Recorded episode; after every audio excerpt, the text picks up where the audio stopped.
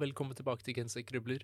Forrige episode var jeg en smule uenig med paven, så jeg begynte å tenke litt på litt mer på det her med paver.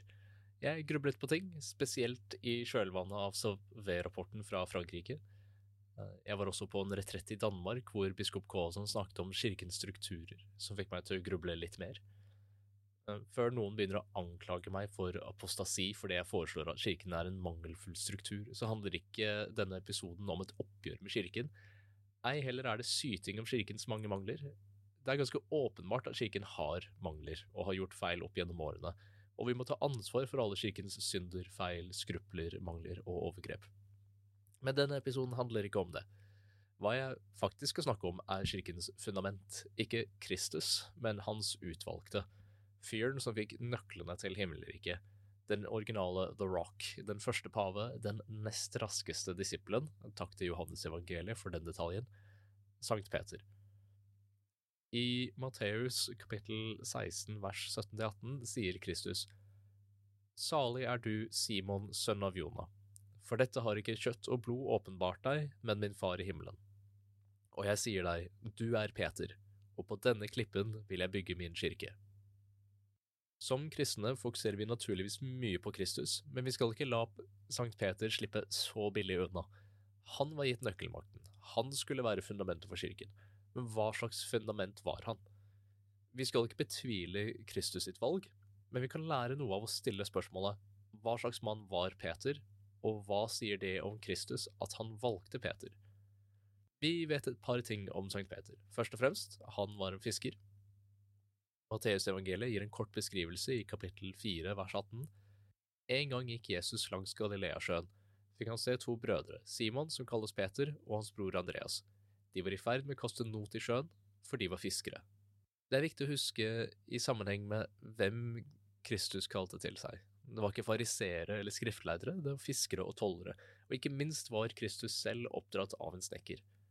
Vi vet også at Sankt Peter var gift, i Matteusevangeliet kapittel 8 vers 14 helbreder Kristus svigermor til Peter. Og Sankt Paul refererer også til at Sankt Peter er gift i første Korinterbrev kapittel 9 vers 5. Videre lærer vi i apostelens gjerninger at Sankt Peter var ansett for å være en ulærd, vanlig mann. I kapittel 4 vers 13 står Sankt Peter foran Sanhedrin, jødenes rådsherrer, og det skrives da de så hvor frimodig Peter og Johannes var, og forstå at de var ulærde menn av folket, undret de seg. Disse tre tingene, fisker, gift og ulærd, forteller oss at Sankt Peter var langt fra eksepsjonell, verken etter datidens standarder eller dagens. Sankt Peter var også en salig blanding av modig og dum, med tro og tvil, som vi ser flere ganger i løpet av evangeliene. I Matteusevangeliet kapittel 14 vers 25-33, når Kristus går på vannet, er det Sankt Peter som begir seg ut på vannet, men når frykten tar han, begynner han å synke.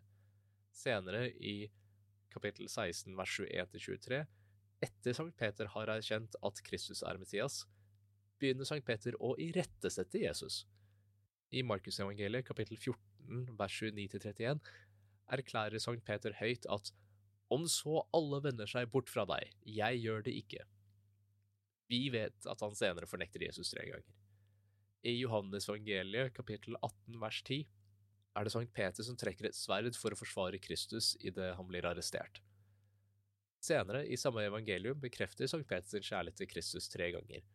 Den hendelsen er foranlediget av beskrivelsen da Simon Peter hørte at det var Herren, bandt han kappen om seg, den hadde han tatt av, og kastet seg i sjøen.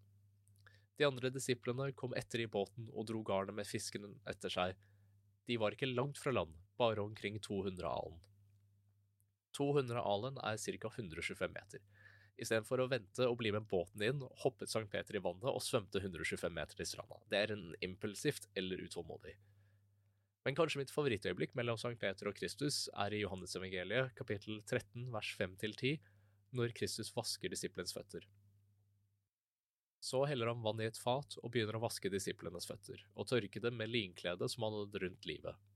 Han kommer til Simon Peter. Peter sier, Herre, vasker du mine føtter? Jesus svarte, Det jeg gjør, forstår du ikke nå, men du skal forstå det siden. Aldri i evighet skal du vaske føttene mine, sier Peter. Hvis jeg ikke vasker deg, har du ingen del i meg, svarte Jesus. Da sier Peter, Herre, ikke bare føttene, men hendene og hodet også. Jesus sier til ham, Den som har badet, er helt ren, og trenger bare å vaske føttene. Dere er rene, men ikke alle. Vanligvis hører vi disse versene i en alvorlig og sorgfull stemning, men tenk deg om. Sankt Peter ser den han tror er Messias, vaske disiplenes føtter, og han skjønner ikke hvorfor. Han utfordrer Jesus på det, og blir irettesatt, og svarer tilbake med en kjapp replikk. Og ikke tenk på det som Messias og den første paven, men tenk på dem som venner som har vandret sammen. Evangeliet har fortalt oss at Sankt Peter tør å forsøke å irettesette Jesus.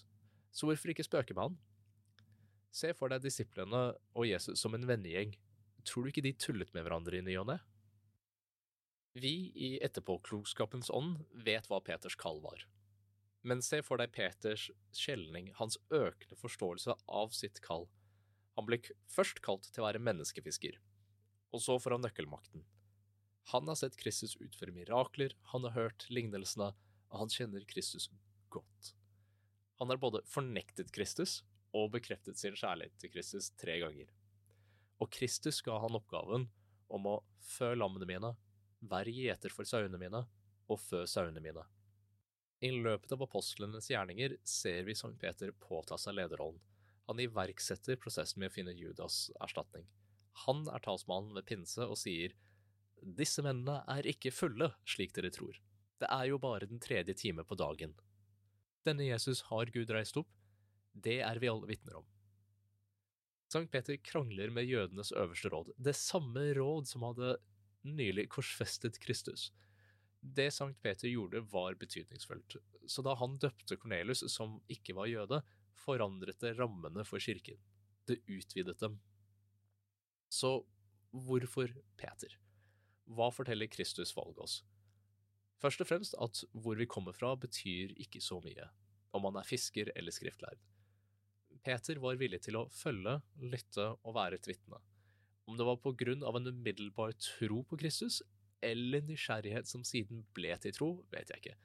Hvis jeg skulle gjettet, ville jeg nok ha sagt at det var nysgjerrighet som siden ble til en dyp tro. Valget av Peter forteller oss også at vi har lov til å være oss selv. Sankt Peter var menneske, med alle de styrker og svakhet det medfølger. Han var både modig og redd, troende og tvilende, sta og åpensindig. Han var villig til å kjenne sine mangler og omvende seg. Han både benektet og erklærte sin kjærlighet til Kristus. Til slutt er Sankt Peter et eksempel på å gi slipp på frykt. Det er nok ikke vågalt å anta at Sankt Peter ikke var helt komfortabel med den rollen han måtte påta seg, men hans tro gjorde det mulig. Som et vitne til Kristus' mirakler, etter å bli undervist av Kristus selv, og med den viten om at Kristus sto opp fra de døde, visste Sankt Peter at han hadde ikke noe å frykte. Det betyr ikke at han var feilfri. På en måte er alle Peters etterfølgere like. De har en tro som inspirerer dem til handling, men de er ikke perfekte. Ja, kirken kan til tider være mangelfull, men det betyr ikke at vi skal avfeie hele tingen. Peters eksempel forteller oss at vi må se til Kristus, lytte til hans budskap og være et vitne. Kanskje valgte Kristus Peter fordi Peter var mest menneskelig.